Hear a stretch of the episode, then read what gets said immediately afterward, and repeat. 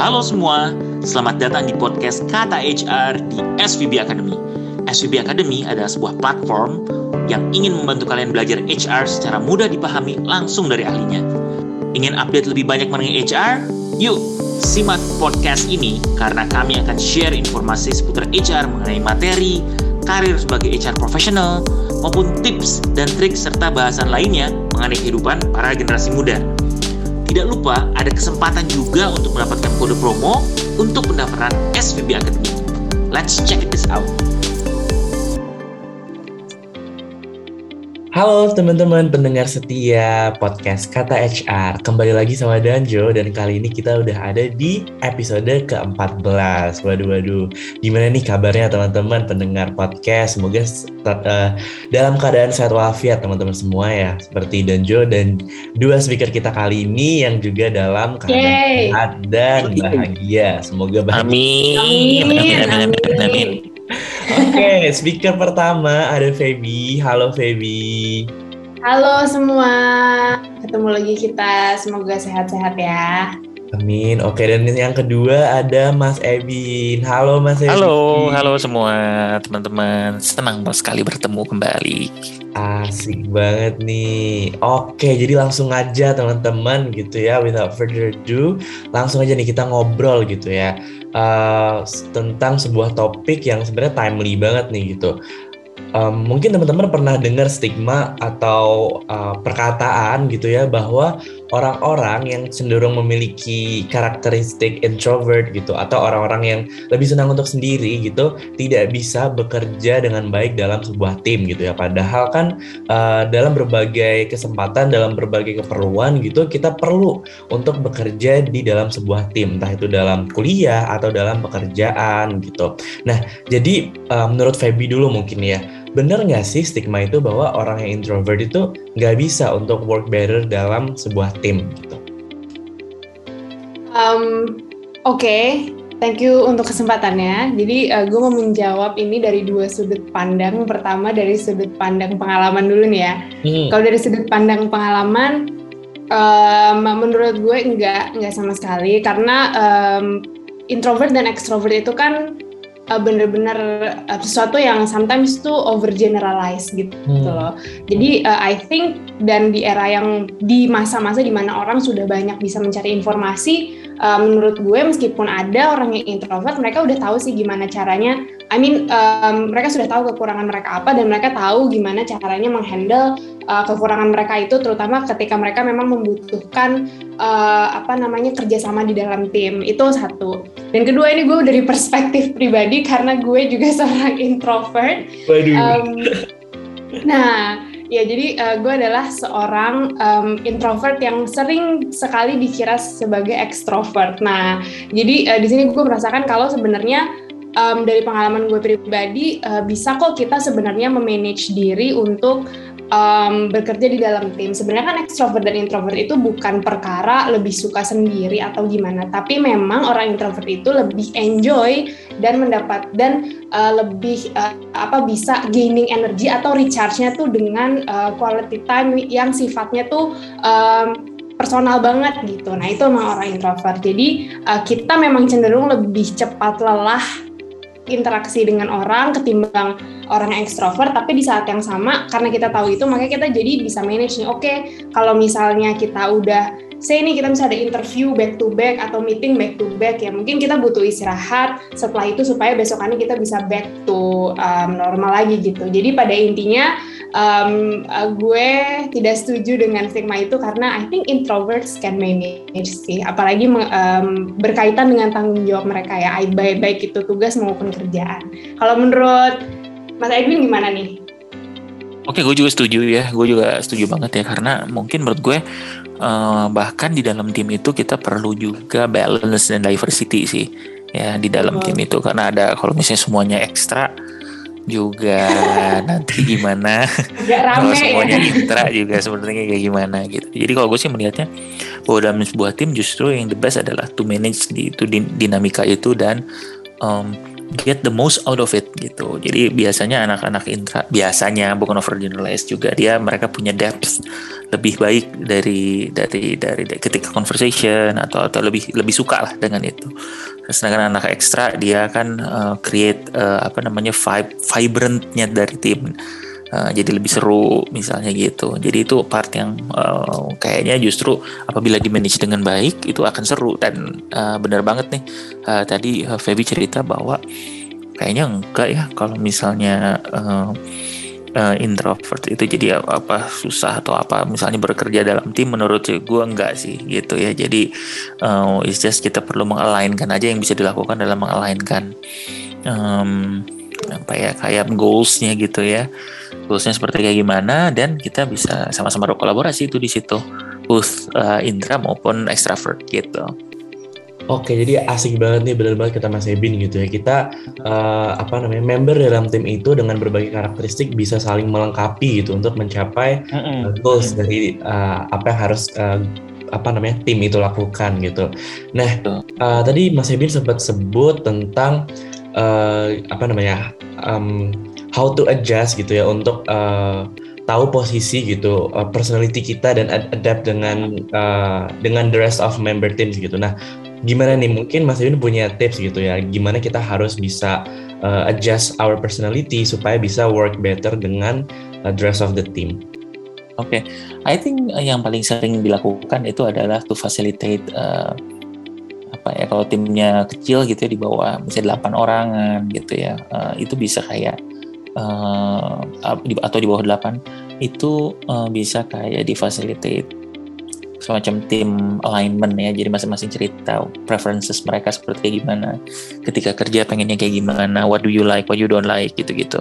Sehingga uh, kita bisa align dan bisa bekerja uh, bareng. Itu satu. Kedua ya tadi nge-alignin bahwa kita tuh pengennya seperti kayak gimana. Uh, apa namanya organisasi apa si timnya itu common goalsnya itu apa? Jadi common goalsnya seperti kayak gimana terus kita ketika kita pengen delivernya pengennya gimana dan masing-masing bisa share oh, this is what I like this is what I don't like.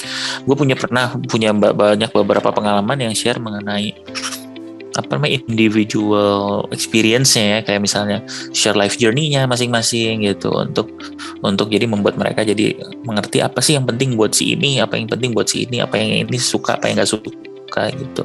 Nah itu menurut gue uh, impactful tuh. Jadi orang-orang dan teman-teman bisa jadi lebih uh, apa namanya uh, apa ya agak hmm, lebih saling mengerti gitu dan beberapa in my uh, beberapa case itu jadi makin gabung gitu asik tuh jadinya gitu itu menurut gue itu yang yang yang bisa kita lakukan untuk membuat ini jadi itu terus kita as a team ini yang saya sangat selalu senang adalah about listening ya.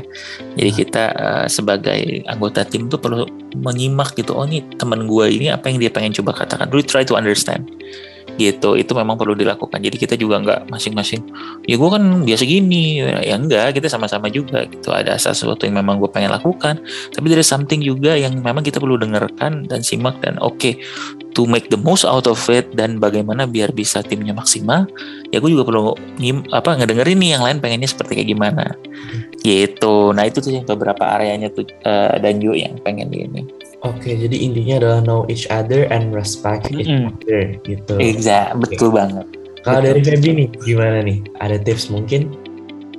Uh, bisa tuh. Uh, kalau dari Mas, e-, Mas Edun aku juga setuju banget. Mungkin kalau untuk um, day to day practicalnya ya, I think um, bagus kalau misalnya kita bisa mulai dengan set expectation. Jadi um, kayak apa yang sebenarnya di expect dari dia uh, sebagai seorang anggota tim dan apa yang anggota tim expect dari dia gitu. Nah dari situ kan kita bisa tahu tuh uh, misalnya dari way of workingnya dia, gimana cara dia manage waktu. Misalnya um, gue expect untuk tim kita um, strict to schedule misalnya uh, dan uh, jangan kalau bisa minimizing uh, misalnya overtime kayak gitu. Nah itu kan jadi ketahuan tuh misalnya memang ada orang yang mungkin prioritize um, apa quality time media atau orang yang benar-benar prioritas kerjaan itu kan kelihatan di situ. Nah itu satu. Mm-hmm.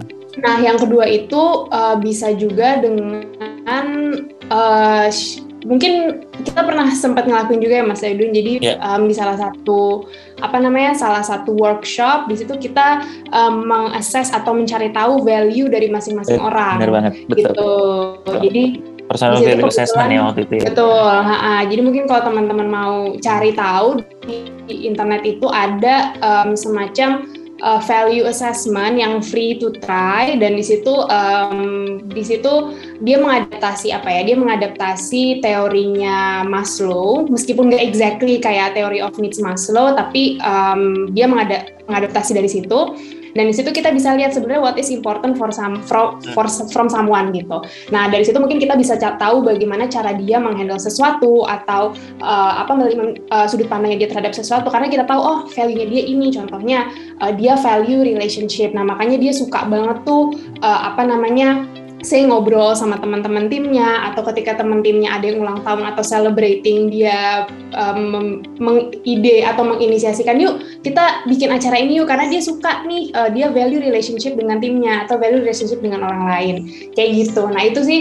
cara-cara um, yang mungkin bisa kita lakuin untuk um, apa memperbaiki bukan memperbaiki ya untuk uh, meningkatkan teamwork kita dengan uh, orang-orang yang diverse gitu. Oke, jadi boleh banget tuh teman-teman dicoba ya untuk uh, mm tes gitu. Apa tadi namanya kak? Personality assessment test ya? Uh, sorry, value assessment. Aku iya. lupa deh. Personality uh, apa? Personal value assessment (PVA). Personal value assessment. Yang dibikin sama Barrett. Hmm. Nanti teman-teman. Nah, oh ya, dibikin sama Barrett. Mm -hmm. Itu available online ya kayak? Ya? Online and free. Oh. Yes, it's free. Asik. Boleh banget ya. nanti teman-teman ya, ya supaya lebih uh, enjoy gitu untuk bekerja sama hmm. dalam tim hmm. sama teman-temannya gitu. Iya. Betul. Nah, uh, teman-teman gitu. Tadi kan udah disebutin tuh beberapa trik uh, dan tips juga gitu ya untuk uh, adjust personality kita supaya bisa work uh, better sama anggota tim gitu. Nah, mungkin dari Mas Ebin nih uh, ada tips dan trik lain gitu yang secara general aja yang nggak berhubungan sama relasi gitu. Uh, apa nih yang mau Mas Ebin sampaikan gitu supaya teman-teman kita ini bisa uh, pendengar setiap podcast podcast kata share ini bisa lebih baik untuk bekerja di dalam tim? Oke, okay. beberapa sih yang perlu uh, mungkin ada beberapa poin. Yang pertama menurut saya tuh kita perlu mengerti dulu sekali lagi adalah common goal tipsnya. Ya. Hmm. So kita tuh mau mencapai apa sih? Nah, itu I think hmm. it's really critical untuk kita tahu oh bareng-bareng kita pengen mencapai apa. Sehingga orang tuh melihat hal yang sama itu penting gitu. Jadi kalau goalsnya aja udah beda nanti di jalannya jadi beda-beda juga itu satu. Yang kedua adalah kalau misalnya kita udah tahu jalannya kita if possible kita agree juga on how we would like to achieve it. Jadi kita diskusi tuh di situ. Nah si diskusinya I think is far more important rather than the way we do it ya sih I guess ya. Jadi ketika continuous discussion about like ini kayaknya gini. Ya, terus gitu terbuka gitu oke okay, menurut gue bagusnya gini menurut gue begini gini, gini. Jadi diskusinya those apa namanya different of opinionnya itu justru yang akan membuatnya jadi bagus gitu sehingga kita bisa perlu terbuka. Dan yang terakhir sih memang kita perlu of respect dan understanding gitu. Karena um, mau nggak mau tim kan consists of different people ya. Dan orang tuh beda-beda uh, pengennya beda-beda preference-nya gitu. Sehingga kalau misalnya kita bisa ambil tiga itu aja first is the common goal kedua terus dari itu kita bisa apa namanya agree on the how we want to achieve it. Terakhir adalah respect and understanding. I think kalau kita punya itu as a team itu akan lebih oke okay sih. Mau timnya segede kayak gimana se advance apa gitu a team of semua basketball player five people sama board of director di perusahaan multinational gitu ya. Uh, yang isinya misalnya 8 orang 7 orang. I think it's still the same principle untuk kita bagaimana untuk uh, uh, ensuring that we have a best team. Gitu tuh dan juga Oke oke, kalau dari Feby nih gimana? Hmm, sama sih, aku tetap menggarisbawahi kalau um, what are the common defining what are the common goals um, and the shared value atau um, how uh, are, are are they going to achieve that itu uh, menjadi uh, base atau underline yang penting in a team gitu. Karena um, ketika kita sudah ngedefine oke okay, common goals kita kan ini itu kemudian pasti ketika kita sudah agree pasti kan semua akan mengarah ke sana gitu. Dan um, apa ketika ada yang misalnya geser-geser dikit itu um, tapi tuh tujuannya tetap sama gitu. Makanya kita juga ngedefine kemudian how are we going to do it. Misalnya value kita untuk mencapai itu kemudian apa nih value timnya ya bukan value personnya value tim dan goal yang disetujui oleh uh, semuanya nih. Jadi jangan sampai satu orang kayak aku nggak gue nggak ini nggak value gue nih. Nah kalau misalnya ada orang yang setuju gitu ya tetap harus rembukin sampai semua setuju oke okay, ini cara kita untuk uh, achieve ini gitu. Mm-hmm. itu yang pertama. Dan yang kedua itu um, uh, apa namanya yang kedua itu adalah ketika kita berada di dalam satu tim memang um, understanding is the key ya um, try to look uh, mungkin kita sometimes unconsciously uh, we refer to ourselves. Misalnya ketika ada satu tim kita yang misalnya cara kerjanya beda sama kita, cara berpikirnya beda sama kita, kita membandingkan dengan diri kita sendiri kayak kok gue nggak ngelakuinnya kayak gini sih, bukannya lebih efektif kalau kayak gini ya gitu. Nah itu um, kita harus cari tahu kita harus kayak oke okay, um, wait for a second, kita harus lihat dulu nih kalau dari um, posisinya dia nih sebenarnya kenapa dia bertindak seperti itu? Mungkin aja dia mungkin ada uh, suatu problem atau suatu bottleneck dalam pekerjaan dia yang kita belum aware gitu. Atau yang sebenarnya bisa kita bantu. Itu um, itu yang kedua. Kemudian yang ketiga adalah ketika um, melakukan pekerjaan tadi kan Mas Edwin udah bilang tuh kalau diskusinya tuh sometimes lebih penting ya daripada um, the way we do it-nya. Nah, ketika diskusi itu make sure kalau all the team is aware of what are they doing kayak who is working on what dan semua harus tahu alur proses end to end. Nah, jadi misalnya sampai dari A sampai Z, si A ngerjain yang uh, pokoknya dari ujung sampai ujung si A ngerjain yang mana, B ngerjain yang mana, C ngerjain yang mana. Jadi mereka tahu, oke okay, A kontribusi ke B tuh ini, B kontribusi ke C tuh ini, dan ini adalah link. Jadi kalau misalnya ada satu yang jelek kerjaannya atau satu yang kurang bagus, itu akan berpengaruh ke belakang. Nah, itu membuat itu bisa meningkatkan ownership dari timnya itu juga sendiri sih, Bu. Not only ownership um, bukan dari uh, bukan not only ownership dari um, personal individualnya tapi uh, juga ownership kalau oh kerjaan gue mempengaruhi kerjaannya dia gitu. Jadi itu akan membantu dari segi apa ya dari segi um, kelancaran dan uh, apa fluidnya kerjaan di tim gitu Oke oke, makasih banget nih Feby dan makasih banget juga Mas Ebin gitu. Jadi mungkin tips dan triknya yang bisa kita garis bawahi adalah intinya we have to know the shared value dulu. Dari situ kita bisa uh, agree uh, bagaimana cara kita untuk achieve that value. Benar. Terus di dalam yes. uh, di dalam discussionnya itu di dalam kita bekerja kita harus transparan juga gitu ya. Jadi kalau memang ada yang sekiranya kita nggak suka ya sampaikan aja secara uh, secara baik gitu. Dan dari situ kita bisa uh, akhirnya respect karena kita understand each other gitu. Kita maunya seperti apa gitu. Dan satu hal mungkin yang menurut aku juga penting adalah jangan reflect ourselves in other people gitu ya. Bener banget yang tadi Feby bilang bahwa orang beda-beda gitu. Meskipun masalahnya sama belum tentu mereka uh, apa namanya menganggap hal itu sama dengan gimana kita menganggap itu. Jadi kita harus tahu dulu nih uh, personality mereka kayak gimana baru kita bisa uh, apa merespon dengan baik gitu Oke teman-teman gitu. Terima kasih uh, udah mendengarkan diskusi kita kali ini gitu. Semoga tips dan trik dari kita hari ini bisa membantu teman-teman untuk bekerja lebih baik dalam sebuah tim gitu ya. Uh, jangan lupa juga untuk tetap uh, follow Instagram kita di svb.academy dan pantengin terus website kita di svbacademy.com karena akan ada banyak banget informasi-informasi menarik tentang SVB Academy dan juga tentang HR in general. Oke teman-teman teman-teman. Terima kasih. See you in the next episode dan have a great day. Terima kasih semuanya. Bye. Sampai bye jumpa semua. Sampai Thank ketemu you. lagi. See you. Jangan lupa dengarkan terus podcast kita di Spotify, Apple Podcast, dan Google Podcast. Kunjungi website kami di www.svbacademy.com, Instagram kami di @svb.academy. Dan kalau kalian punya pertanyaan, saran, atau kritik, email kita di kontak@svbacademy.com.